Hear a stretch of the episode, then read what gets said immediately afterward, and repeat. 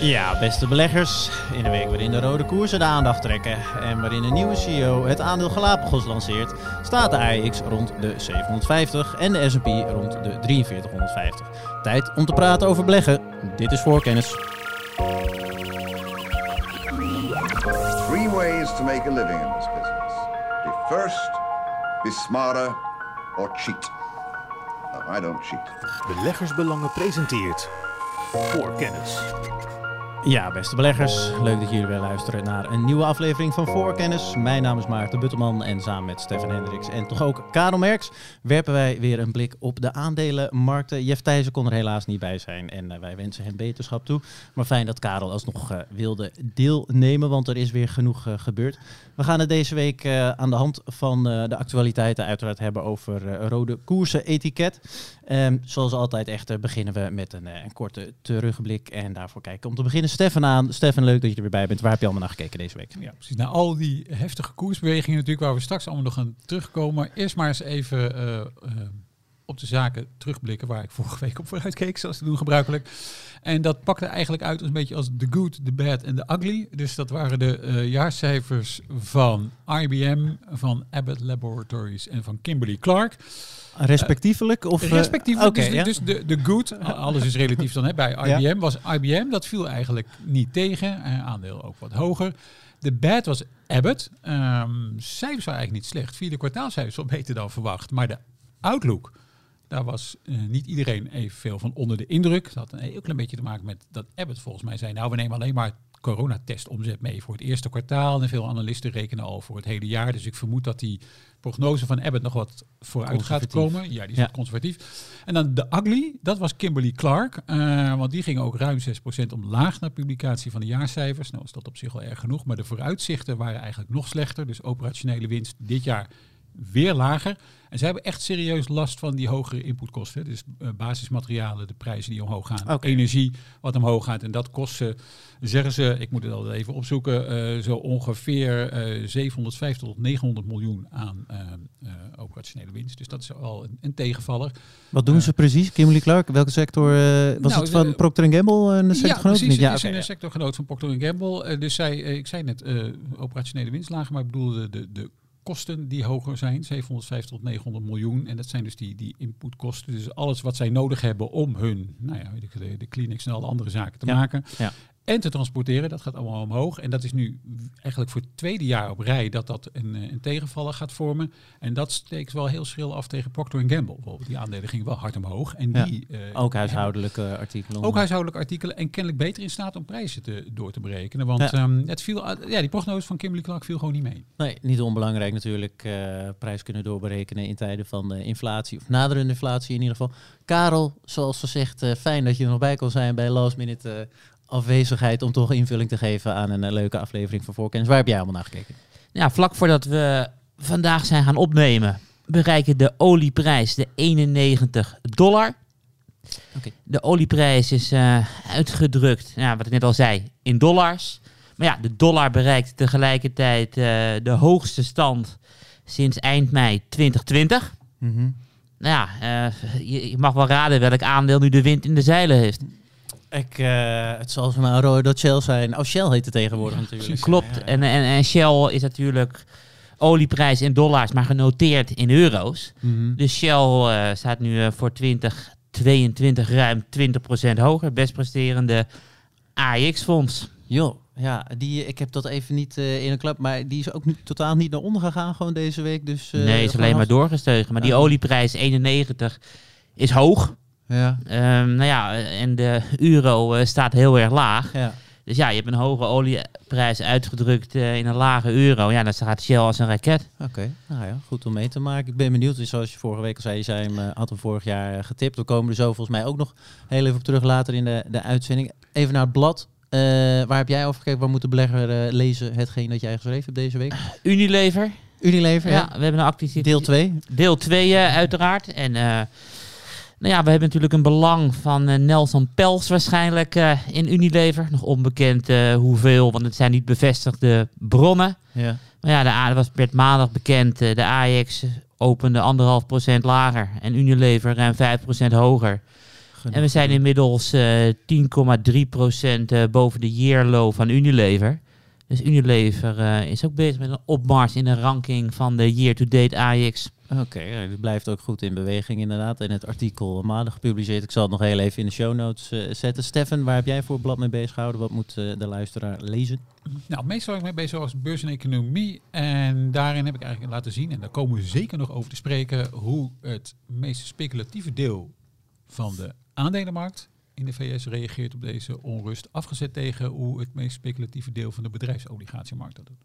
Kijk eens aan, dat was een mooie verkoop eh, daar inderdaad. En voor het eerst eh, deze aflevering in eh, voorkennis. Even een blik terug op wat we een jaar geleden hadden behandeld. Ik weet niet Oh. of jullie het een beetje door, maar dat kan nu tegenwoordig. We zijn een jaar lang podcast aan het afnemen. Dat was een zeer zenuwachtige Maarten Butteman die even ging vertellen en vragen wat er allemaal gebeurde op de markten. Maar nu Wat- zijn wij zenuwachtig. Ja, ja, dat snap ik. Wat weten jullie wat er behandeld is? Ik zal één ding noemen. Hebben jullie enig idee Nee. wat er een jaar lang eh, speelde? Het- Volgende week zal ik eventjes gaan, eh, gaan kijken. Nee, ja, dan moet eh, je dus is leuk. Oh. Weet je wat leuk? GameStop. De GameStop. mania, ja, de, de meme stocks was toen allemaal bezig, precies een jaar geleden. Aandeel stond toen we het erover hadden op 325, staat nu op 103. We hebben ook nog behandeld eh, de fix, want toen was toch ook was de boel in beweging. En grappig genoeg, die stond een jaar geleden hoger dan nu, stond toen op 37. Nu op 31 eh, is die aangetikt. En ook de Griekse staatsobligaties hadden behandeld, die eh, waren ja, over, over, hoe noem je dat? Over, over, eh, overschreven? Ja, eigenlijk het is een uh, anglicisme denk ik. Maar eh, d- er was meer eh, belangstelling voor dan dat er leningen waren. Ja, ja, dus dat hebben we een jaar, lang geleden, of een jaar geleden behandeld. Vond ik op zich wel grappig. Van GameStop eigenlijk helemaal niks meer gehoord, toch? Nee, maar wat je wel ziet is dat al die speculatieve aandelen gepiekt hebben in het eerste kwartaal. Kijk ook maar naar de SPEC-index en dergelijke. En de duurzame aandelen en de rente. Lang vooral. Oké. Nee, ja, omdat het toen was echt de top, had ik het idee van de hele meme-stock aandelen. Maar ik ben benieuwd of dat nog een keer uh, terugkomt. En een staartje krijgt. Volgende week kijken we weer een, uh, een korte blik op wat we een, een jaar geleden precies behandeld. Ja, dat kan ook. Voorkennis. Want het is tijd om verder te gaan met het hoofdonderwerp uh, van deze week. Tevens het enige hoofdonderwerp, want om de rode koersen kunnen wij uh, niet heen. Uh, we gaan het belichten vanuit meerdere hoeken. Duiden eerst even de wat en de waarom en eindigen uiteraard ook met concre concrete gevolgen en adviezen. te beginnen dus even met het wat, wat is er precies gebeurd. Stefan, daarvoor kijk ik jou aan. Vertel de luisteraars even wat er deze week allemaal plaatsvond op de aandelenmarkt. Ja, ja, ik wou het zelfs nog ietsje breder trekken, Maarten, om te kijken naar wat er dit jaar allemaal speelt. Helemaal goed. En dan kunnen we denk ik van daaruit wel uh, de rest van de uitzending vullen. Want er is voldoende, denk ik, vanaf dat startpunt om, uh, om het over te hebben. Ja, zeker. Karel heel veel heeft. Dus we gaan het proberen in, uh, in, in, in, een soort notendop te doen. Dus dit jaar de Amerikaanse tienjaarsrente met ruim 35 basispunten opgelopen tot 1,87 procent. Aandelenbeurzen lager in Europa. Ik heb even gemeten slotstanden van gisteren, dus zeg maar ruim 4 procent. Um, maar dat klinkt niet zo spectaculair, maar daartussenin op sectorniveau zijn hele grote verschillen. Energie, dus Karel noemde net al en jij al Shell. Dus energie, die sector dit jaar plus 10. Kijk je aan de andere kant, technologie min 12. Nou, dat is een gapend gat tussen die twee. Uh, binnen zo'n sector technologie zie je dan ook nog echt wel een paar hele forse verliezers. Ook wel bekende namen. Dus een Deliveroo, min 25%. Maar ook um, uh, ASMI, oh, die staat er ja. ook bij met, uh, met min 23. Die bewegingen zie je ook een beetje terug in de VS. Daar nog ietsje extremer.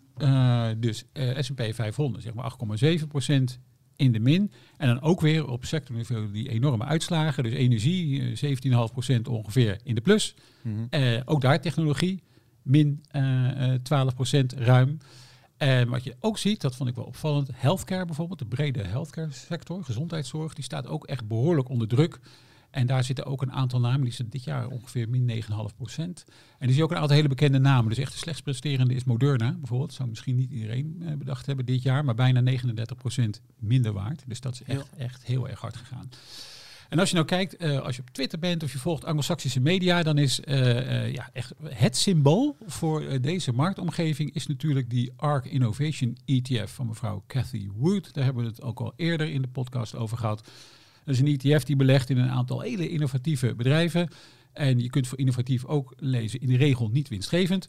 Um, probleem daarvan is dus dat die aandelen lange tijd heel populair waren. Maar ja. dit jaar staat die ETF ook alweer een procent of 24 in de min. Ja. Als je dan in de kelder van die ETF gaat kijken, dan zijn het ook allemaal verliesgevende bedrijven, meestal uit de biotechsector. Staan allemaal op, nou zeg maar even ergens tussen de min In de 6 en- kelder bedoel je meest verliesgevende posities? ja, Van, van deze ETF, year to date. Ehm, en ja, die staan allemaal op zeg maar, nou, min, eh, beetje min eh, 36 tot aan min 49 procent.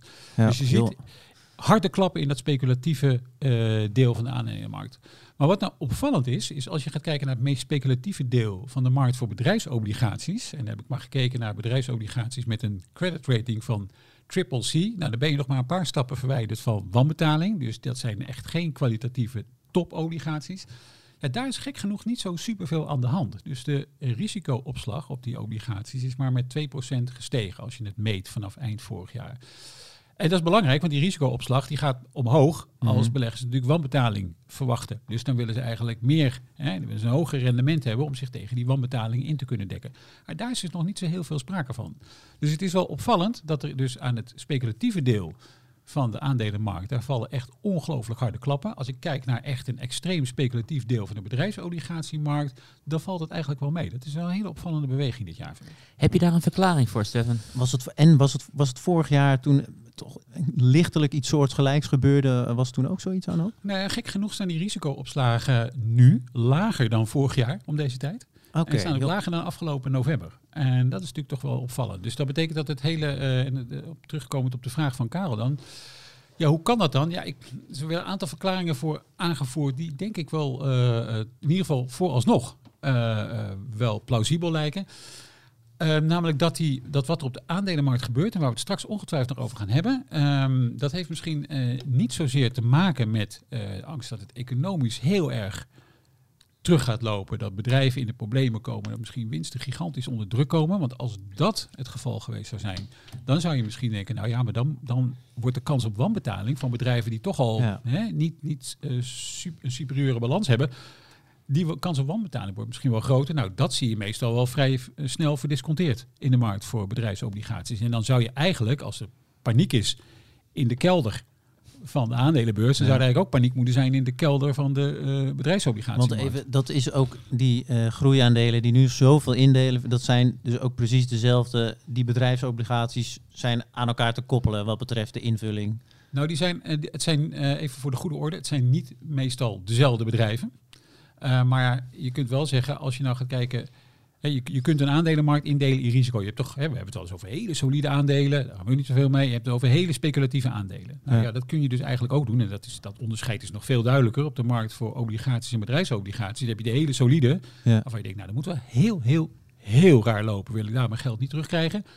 Tot aan de bedrijven wie je geld leent, waarbij je denkt, ja, als het economisch serieus tegen gaat zitten, dan kon ik wel eens een wanbetaling voor mijn kiezen krijgen. Ja, en, en die laatste, dat is nu hetgeen wat je. En dat is opvallend. Dus bij die laatste zie ik zie niet een, eh, ik zie daar helemaal geen paniek terug. Dus die, die risicoopslagen zijn op een gegeven moment wel een beetje opgelopen en weer teruggekomen. Maar, daar- maar ja, je ziet daar geen paniek. Dus, de, dus het equivalent van koersuitslagen van min 45% van bepaalde aandelen op de aandelenmarkt, Ja. dat zie je eigenlijk niet terug in de markt voor eh, dit soort hele risicobedrijfsobligaties. Nee, oké. Wat betreft de wat, Karel, jij ook nog eh, posities of dingen die je opvolgen, gr- grondstoffen, hoe was dat? eh, Nou ja, wat me week vooral opvalt is hoe heftig de beurs eh, is. Want ik heb eventjes twee voorbeelden opgezocht. Afgelopen maandag vond ik heel erg extreem. Want toen zag je de Nasdaq in de eerste paar uur van de handel 4,7% naar beneden gaan. Weet je, en 5% da- dalingen zijn echt heel heftig op één dag. Ja. Maar ja, wat gebeurde in de laatste twee uur van de handel? Dus schoot de Nasdaq weer 5,5% omhoog bizar, de andere kant op. Dus ik bedoel, dan sluit je je gewoon in de plus. Maar ja, als je dat dan ziet, denk ik van wow, dat was echt een heftige dag. Ja. Weet je, het was er niet één. Gisteren was het ook zo. Want om 8 uur 's avonds stonden we nog 3,3% in de plus voor de Nasdaq. En we staan een uurtje lager, staan we gewoon 50 basispunten in de min. Dus het valt me vooral op hoe volatiel het is van het ene extreem naar eh, het andere extreem. Ja. En ik heb ook even gekeken van ja, wat was het eh, dieptepunt afgelopen week in de Nasdaq en in de Russell 2000. En dat heb ik dan vergeleken met eh, de laatste all-time high van eind vorig jaar. Mhm. En dan zie je dat gewoon op het dieptepunt in de Nasdaq 118,1% gedaald is.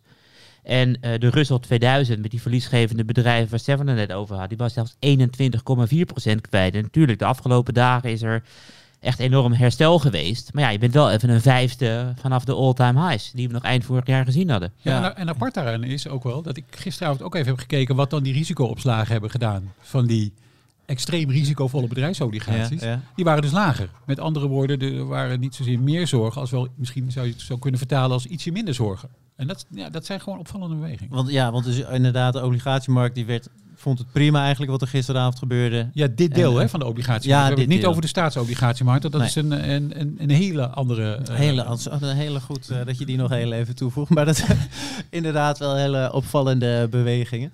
Oké, dus tot zover een beetje het, het wat gedeelte eigenlijk. Gaan we nu een beetje richting de waarom. Karel gaf wel heel, ook even een brugje. Er was een, gisteravond een, is er een bepaalde man aan het praten geweest. En daar, ja, als je belegger bent, dan kijk je daarnaar.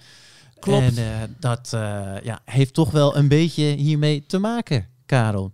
Ja, beleggers houden niet van stijgende rentes. Nee. En wie heeft daar eh, onder andere invloed op? Vooral op het korte eind. Jerome Powell, voorzitter van de Amerikaanse centrale bank Fed.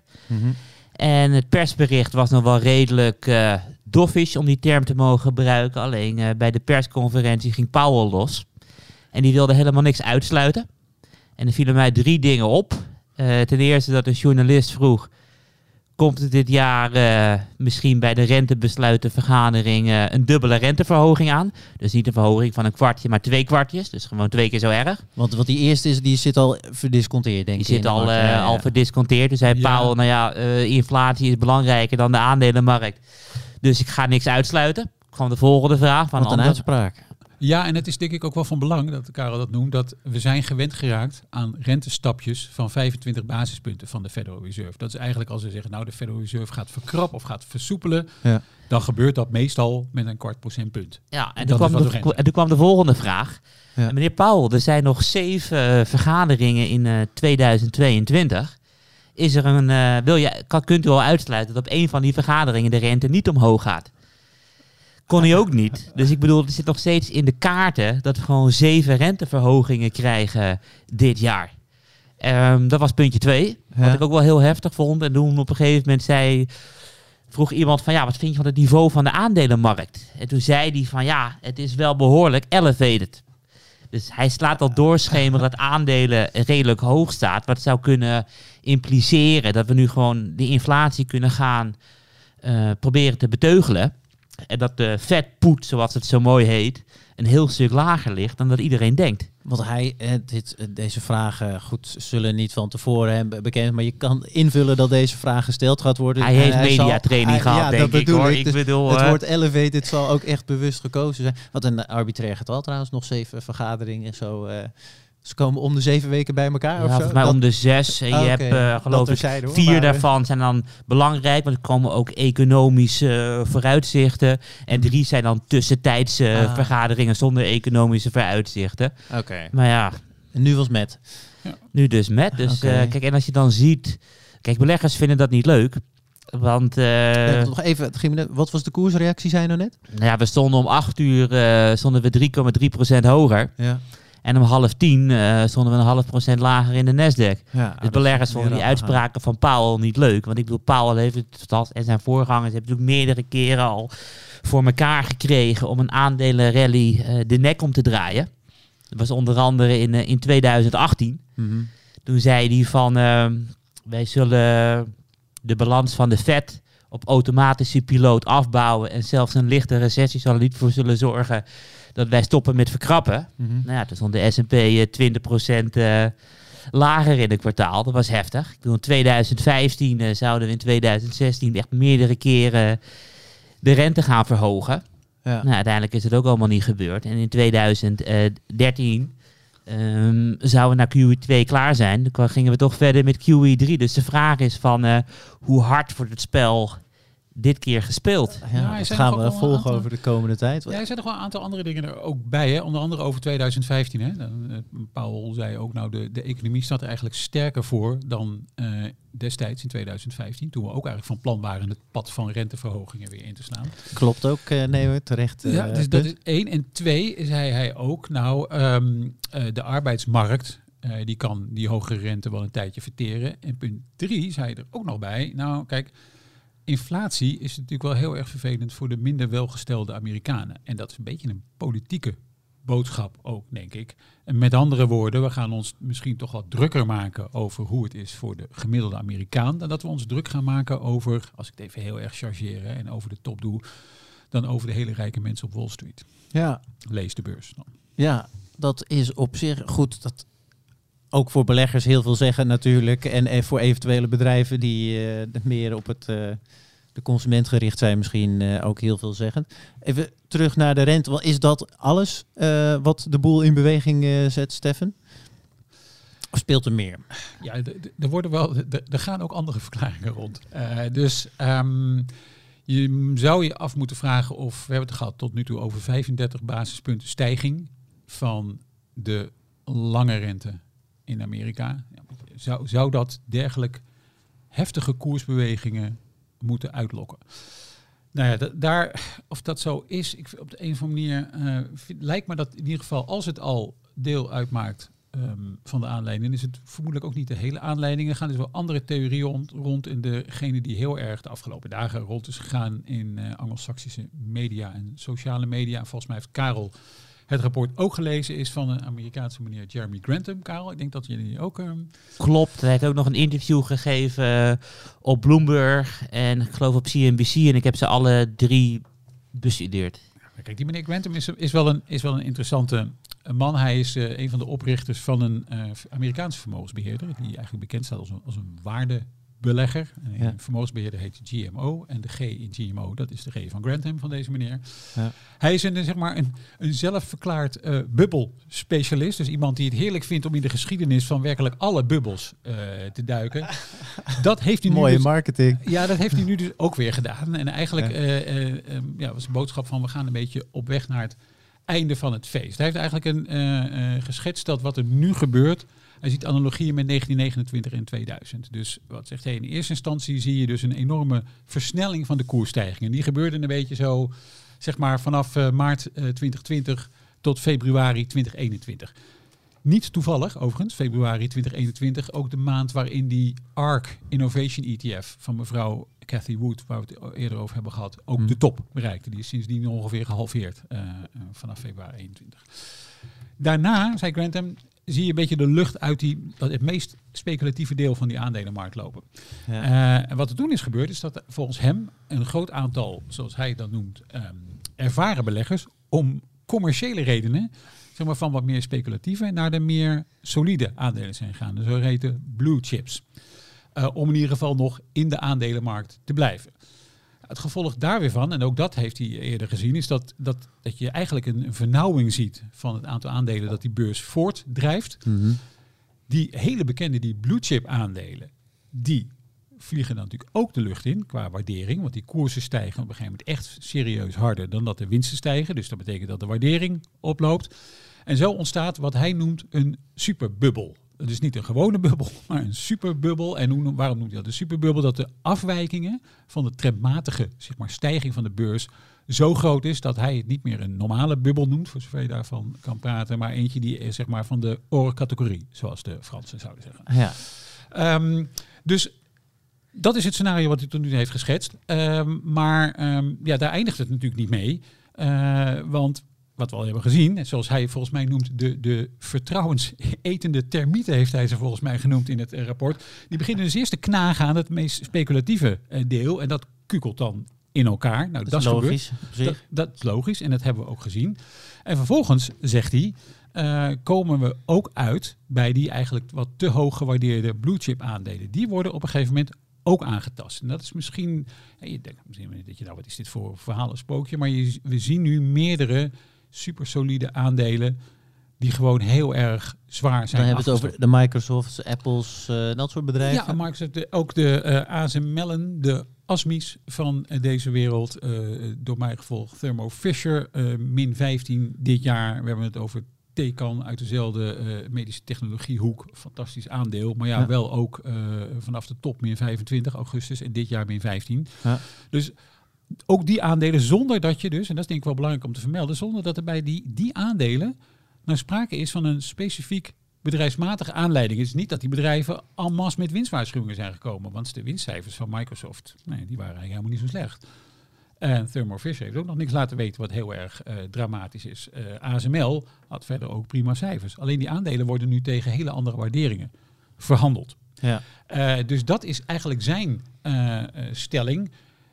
Dat een overgewaardeerde beurs gaat zichzelf corrigeren. Ja. En eh, eh, nou ja, hij is niet in zijn eerste, eh, zullen we maar zeggen, eh, zware, zwaar sombere voorspelling gestikt. Dus eh, die gooit die nu ook weer bij. Hij zegt nou, als, die, als de S&P 500 eigenlijk weer terug zou moeten keren naar het niveau wat past bij een trendmatige groei van jaren terug, dan zitten we, zouden we eigenlijk naar een S&P 500 van 2500 punten toe moeten. Dat is En dan hoeveel, hebben we natuurlijk- hoeveel is dat? Even voor wat eh 35 tot 33 procent eraf. Of eh, 25, 30 procent. Ja. Pittig. Ja, maar we hebben natuurlijk, wat hij er ook bij zei, op Bloomberg. Dus één perspectief uiteraard, In- eh, maar wel eh, met goede argumentatie. Sorry, ga verder. eh.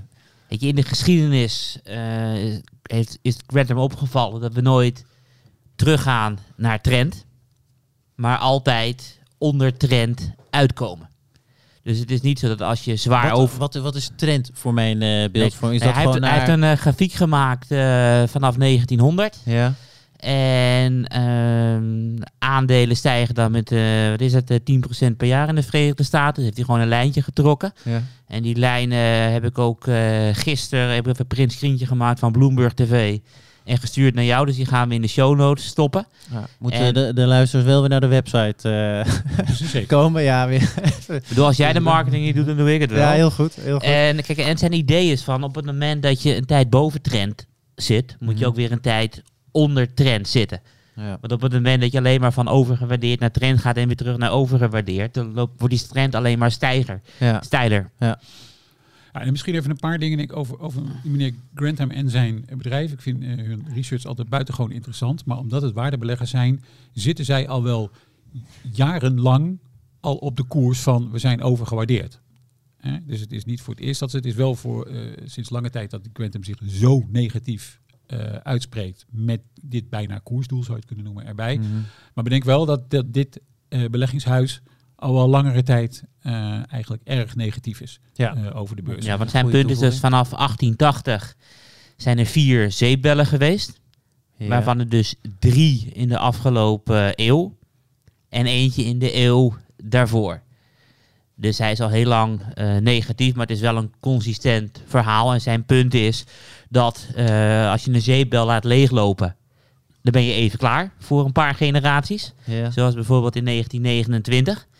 Maar als je dan in, in, in 20 eh, of 2000 een zeepbel niet volledig leeg laat lopen. En hij heeft bijvoorbeeld op Bloomberg TV Oh, Je bedoelt niet de afgelopen, maar de huidige eeuw dan? ja, gewoon drie 20 jaar geleden. Want Ja, hij heeft dus gezegd van in Deze eeuw. 2000 van we laten de zeepbel niet leeglopen. Want Ja. de Fed heeft volgens hem veel te lang eh, de rente te laag eh, gehouden. Ja. En hij zegt van ja, op het moment dat je de rente heel erg laag houdt, dan ga je nieuwe zeepbellen creëren. En volgens hem komt door die lage rente de huizenmarktcrisis in 2007.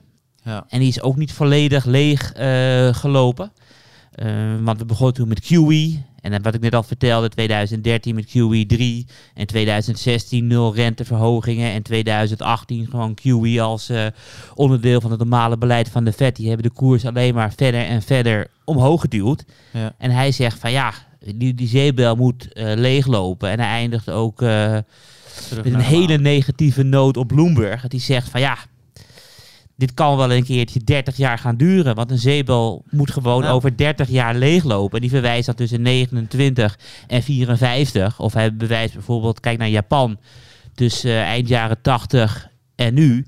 Bedoel, die bedrijven verdienen meer geld dan toen, maar de koersen zijn lager. Ja, dat is denk- een eh, lekkere pessimistische noot om... eh, Klopt. Leuk, leuk beste maar hij, wordt er wel oud bij, want hij is al 84. Dus Dus ik bedoel, 80 uh, buitengewoon scherp. Hij- Misschien nog een paar eh, een soort van health warnings over, over deze eh, man. Ehm, hij heeft een aantal bubbels echt heel erg goed voorzien. Dus zowel die in Japan als de eh, technologiebubbel. Mhm. Eh, maar eh, geeft ook zelf wel ronduit toe.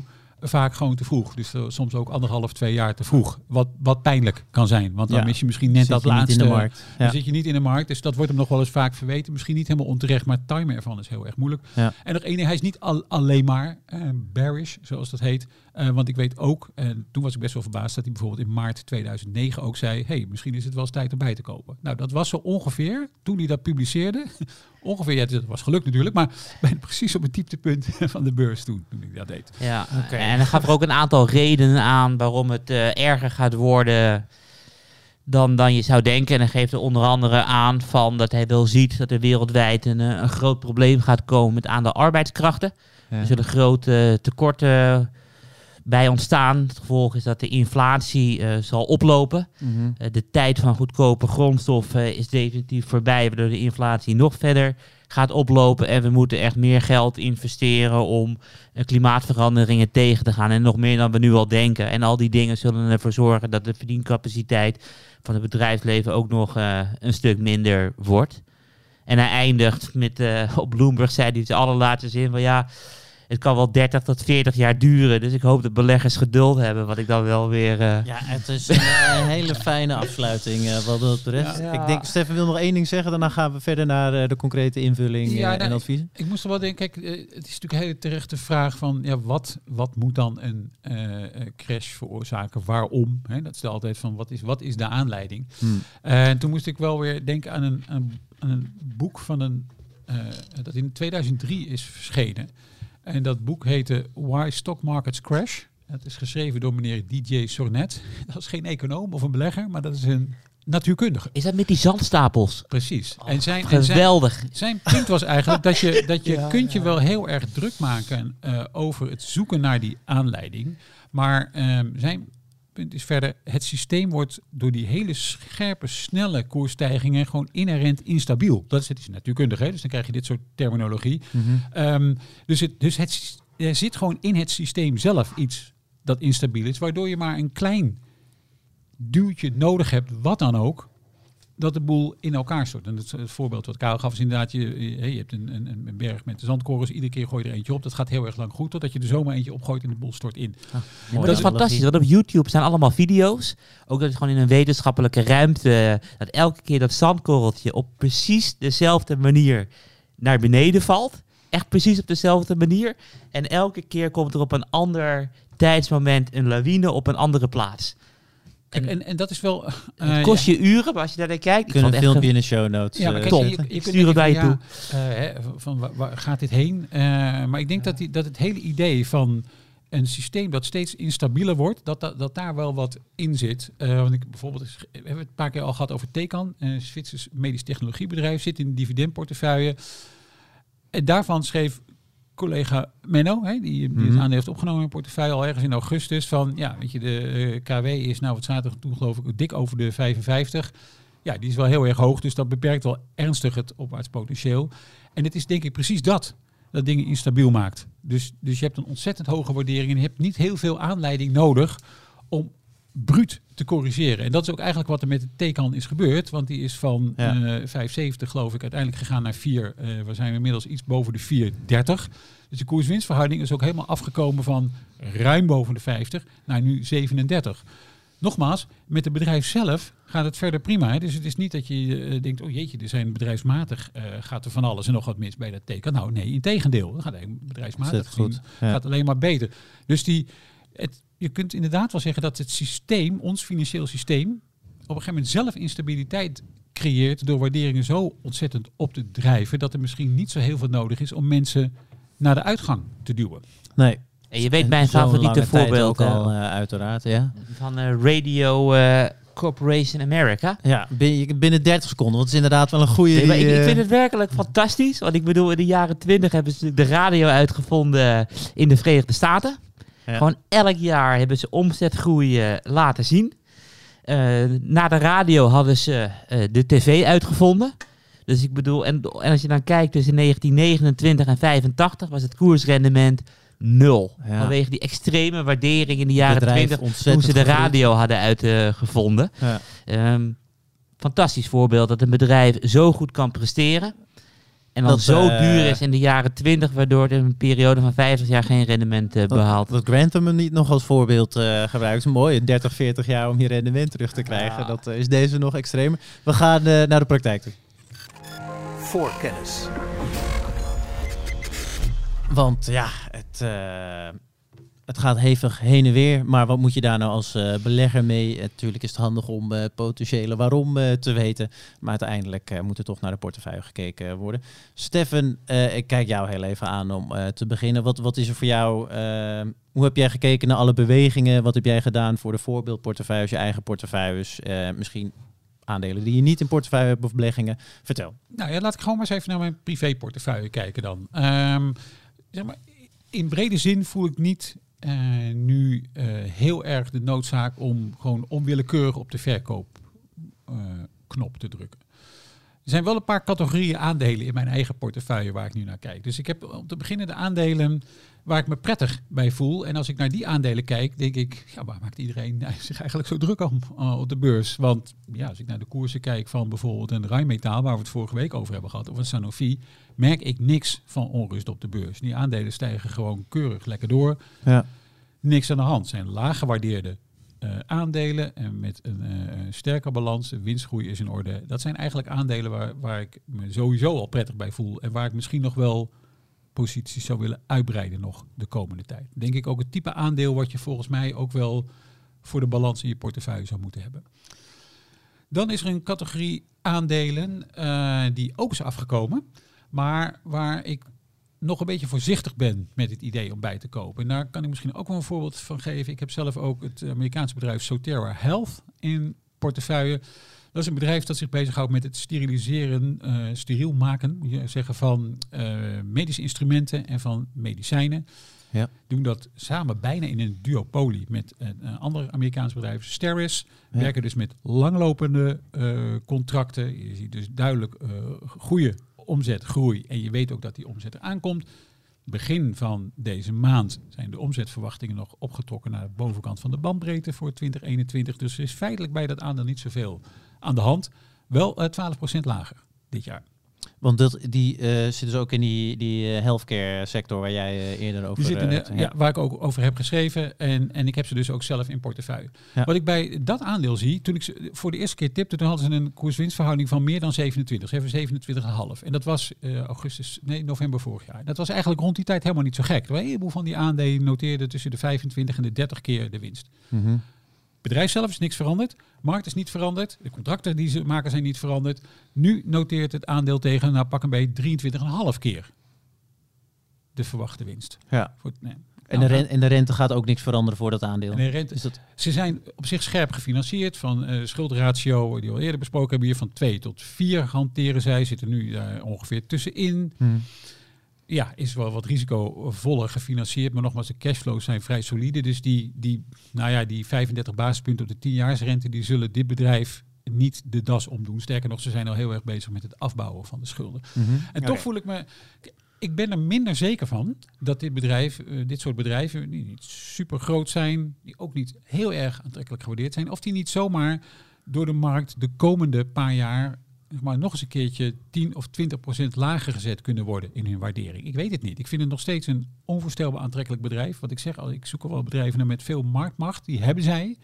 Um, maar tegelijkertijd ben ik er minder zeker van, misschien dan ik een tijdje geleden was. Gewoon ook door het, door het sentiment in de markt. Ja. Uh, of beleggers niet zeggen, nou ja, misschien hebben we ons een tijdje lang vergist. En moeten die bedrijven helemaal niet meer tegen 27 keer de winst, misschien ook niet meer tegen 3, 24 keer de winst, maar het is gewoon 20 keer de winst eigenlijk een veel betere. Dat, kan dat, ik... dat is eigenlijk het argument van Grantham ook. Precies, dan zeg je van is, is, het, is het bedrijf overgewaardeerd of niet? Ja. Um, nou vind ik het op zichzelf nog wel meevallen, maar ik ben er um, wel wat minder zeker van. Dus ik ben er ook ietsje voorzichtiger mee. Ik ben zeker niet negatief over dit aandeel. Ik was het ook absoluut niet van plan om te gaan verkopen. Maar dat is wat anders dan te zeggen, hey, na 10, 15 procent daling zie ik nu een, een buitenkansje. Ja. Ik weet niet of het zou, misschien zitten we hier over zes tot negen maanden weer en zeg ik, jeetje, wat was dat een buitenkansje? Had ik hem maar genomen. Ja. Maar dat kan ik niet zo goed zien. Oké, okay, dus dat is categorie 2? Dat is categorie 2 en dan is er nog categorie 3. Uh, dat zijn aandelen uh, die ook hard zijn uh, gedaald, maar waar mijn handen misschien wat meer gaan jeuken om bij te kopen. En dat is in mijn privéportefeuille bijvoorbeeld Applied Materials. Hè, dat is dus een chipmachinefabrikant. Mhm. Ehm, ook dit jaar, eh, zo ongeveer, min 15 procent. Maar het bedrijf is ja, praktisch schuldenvrij. Dus is meer cash dan lange schuld. Koers-winstverhouding is niet zo heel gek hoog. Ze is 16,7. De marktvooruitzichten zien er hartstikke goed uit. Want overal lees ik berichten over chipproducenten. die- 16,7 toch heel laag voor een chipbedrijf? Of eh ja, zeg een gekke ding? Nou ja, ze noteren. Het is geen ASML hè, ooit eh, geweest. Dus ASML heeft een, een, een al wat andere positie en wat krachtige groei gehad dan Applied. Ah, maar goed, ik, ik was met mijn Applied en ben met mijn Applied nog heel erg tevreden. En dit is een bedrijf dat ook op lange termijn in die chipsector wel een, eh, belangrijke rol blijft spelen. In, Mhm. mijn- in mijn optiek. En dat is een bedrijf waarvan ik nu eerder denk, nou ja, daar zou ik misschien in fase wel, wel weer willen bijkopen. Omdat ik daarvan eigenlijk gezien de waardering, marktpositie, financiële positie, veel meer het idee heb. Nou ja, zelfs als we daar nog tegen wat tegenvallers aanlopen, zit ik waarschijnlijk met dit bedrijf meer solide dan met bijvoorbeeld een Sotera Health. Ja, en heel belangrijk toevoeging dat je zegt in fase bijkopen uiteraard. En eh, niet eh, blind eh, instappen. Precies, dat is Ja. heel erg belangrijk. En denk ik ook, kijk, ik bekijk dit wel op een termijn echt van meerdere jaren. Dus dit zijn wel bedrijven die, wat mij betreft, voor meerdere jaren in je portefeuille zouden moeten zitten. Vandaar dat ik ook helemaal in het begin zei, ja, ik hoef niet direct gewoon de knop in te drukken om alles te verkopen. Want ik kijk ook heel erg naar de posities Ja. die de komende tijd weer houden. Maar er zijn gewoon bedrijven, waarderingen, marktvooruitzichten en financiële posities waarbij je je misschien nu wat meer senang voelt als belegger. Dat voel ik in ieder geval zelf Ja. dan bij andere posities. Vandaar dat een, een applied voor mij eerder een bedrijf is om inderdaad in fases weer eh, bij te kopen, ook als de markt misschien wat verder onderuit gaat, dan het Sotera Health bijvoorbeeld. Ja. Mooie categorisering eh, inderdaad om eh, naar deze correctie, dip, bearmarkt, wat het ook gaat worden, dat eh, zal de toekomst eh, leveren. Karel, wat, eh, hoe heb jij gekeken naar bepaalde posities en portefeuilles die je beheert? Ja, ik ben sowieso heel negatief, zoals je weet, over de hoofdindices.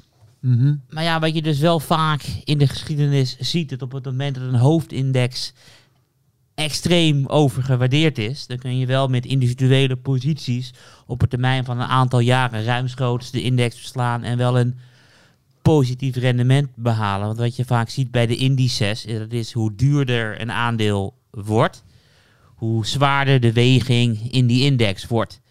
Dus Ja. vandaar dat je ook ziet Als dat... geen gelijkgewogen index... eh, Nee, klopt. Maar de meeste mensen ja, ik kopen... leer wat eh, tijdens deze podcast. Ja, nee, maar, dit, maar is, je zegt een heel scherp punt, eh snij jij aan. Want ik bedoel, de afgelopen anderhalf jaar heb ik aandelen echt heel erg duur gevonden. Dus ik heb inderdaad Ja. gezegd, ja, die gelijkgewogen index is leuk. Ik heb over de mode geschreven, over de momentum index, over de, de buyback index. Van je moet niet eh, nu vol in die duurste aandelen gaan beleggen. Want zoals Grantham ook laat zien, dat kan over een langere periode niet goed uitpakken. En als je dan kijkt naar zo'n applied waar Stefan het over had. Ik bedoel, dat zal niet eh, over de komende 20 jaar elk jaar een lagere waardering krijgen. Mhm. Terwijl er genoeg aandelen zijn waarbij ik dat wel zou kunnen voorstellen. En wat natuurlijk ook iets is waar we het al heel lang niet meer over gehad hebben, het woord spreiden.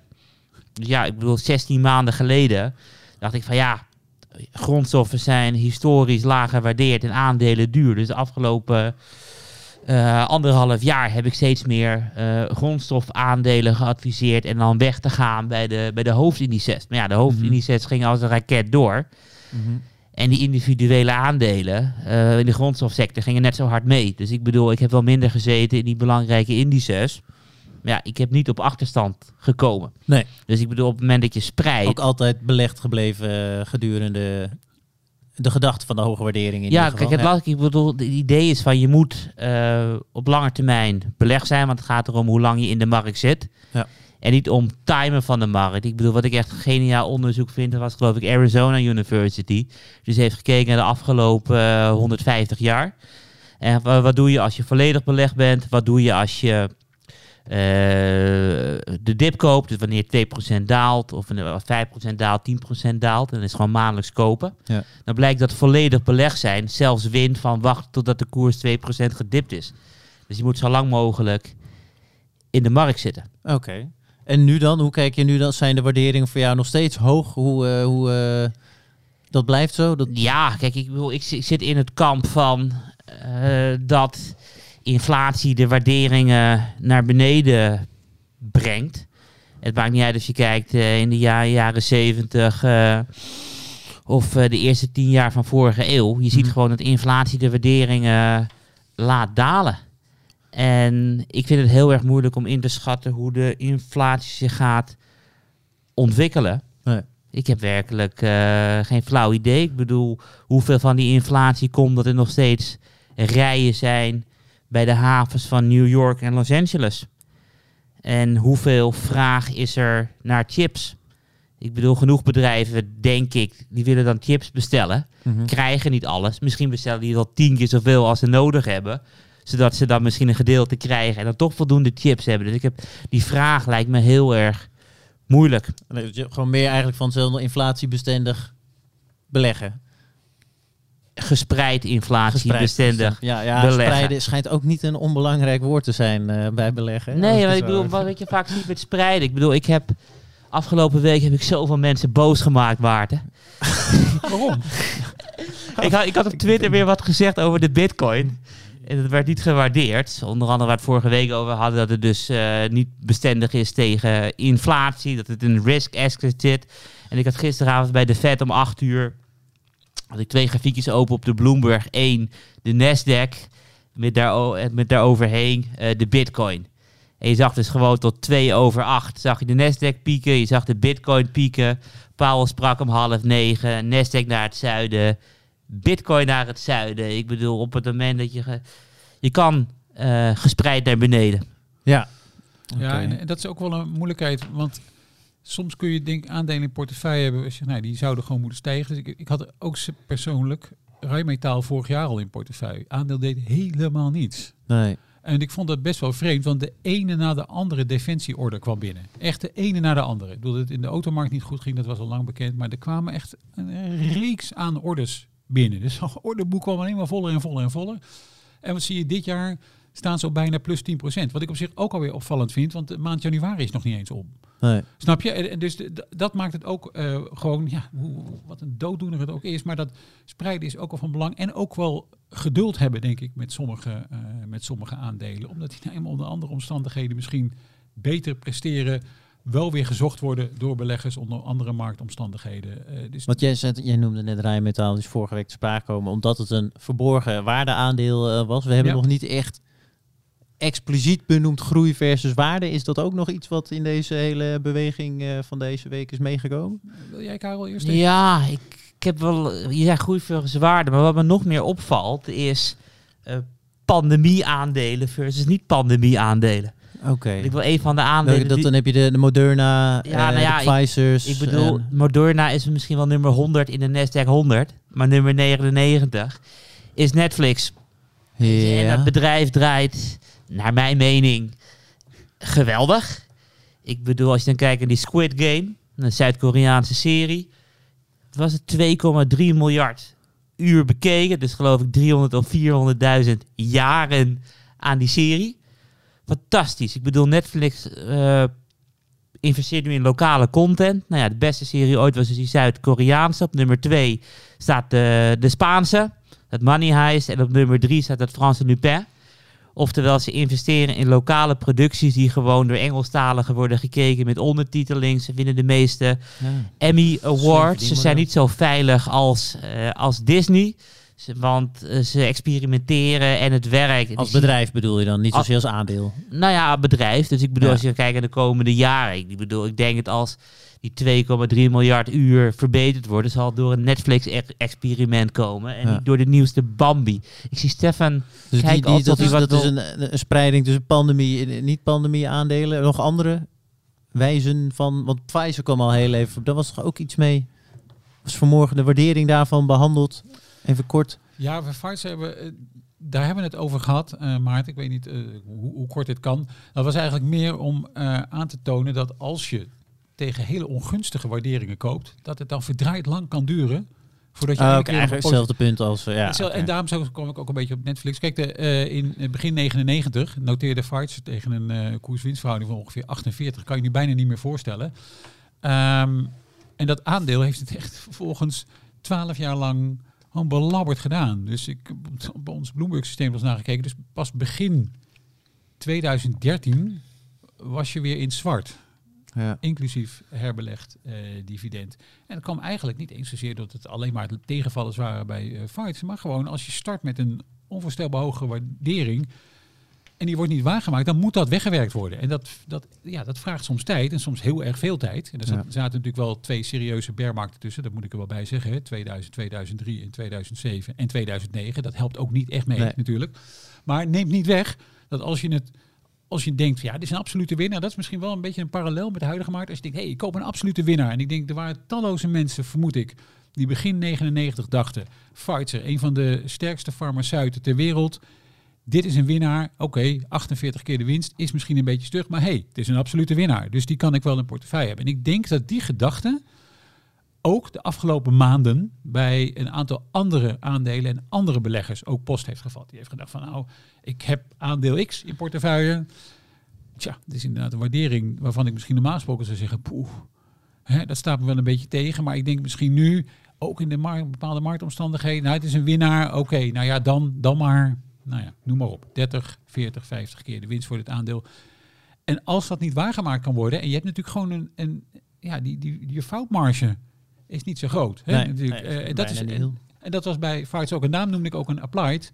Oké, laat applied tegen 10, 15 procent lagere waardering verhandeld worden. Nou ja, oké, dan is het 15. Misschien iets onder de 15. Ik vermoed dat het daarbij applied, laat het naar 14 of 13 zijn. En dan hou ik ook nog een beetje rekening met de cycliciteit in de halfgeleidensector. Want daar moet je natuurlijk altijd bij die sector rekening mee houden. Dan nog vind ik, inclusief de balanspositie, dat ik denk, nou ja, daar loopt misschien wat minder risico dan dat ik naar een aantal van die voormalige hoogvliegers ga. Die eerst tegen 50 keer de winst noteerden. Misschien dan nu tegen 40 keer. Dan denk je, nou, die zijn ook aardig afgekomen. Ja, Maar ja, ik, ik, heb dan, gezien. ik heb daar minder een gevoel bij of 40 dan de grens is. Waarbij beleggers denken, oké, maar dit nu is het mooi. Of dat er in de volgende marktpaniek niet gezegd wordt, "Eh, we hebben ons eigenlijk vergist. Dus niet- niet 40 is niet de juiste waardering. We moeten veel meer naar 30 of naar 25 zelfs. Ja. En dan doet, dat doet pijn, die, die, die klap. Ja, en dat heeft zeker. bij Pfizer ook Dat duurt dus 13 jaar, blijkbaar. dat kan 13 jaar duren en dat duurt. En ja, dat doet gewoon ongelooflijk veel pijn. Dat is ontzettend frustrerend beleggen dan. Ja, oké. Hebben we nog, eh, voordat we gaan uitblikken, nog laatste dingen die we moeten vermelden in zaken de correctie en eh, de huidige beursweek? Nee? Nou, kijk, een mooie stilte. Dan gaan we verder. Voorkennis.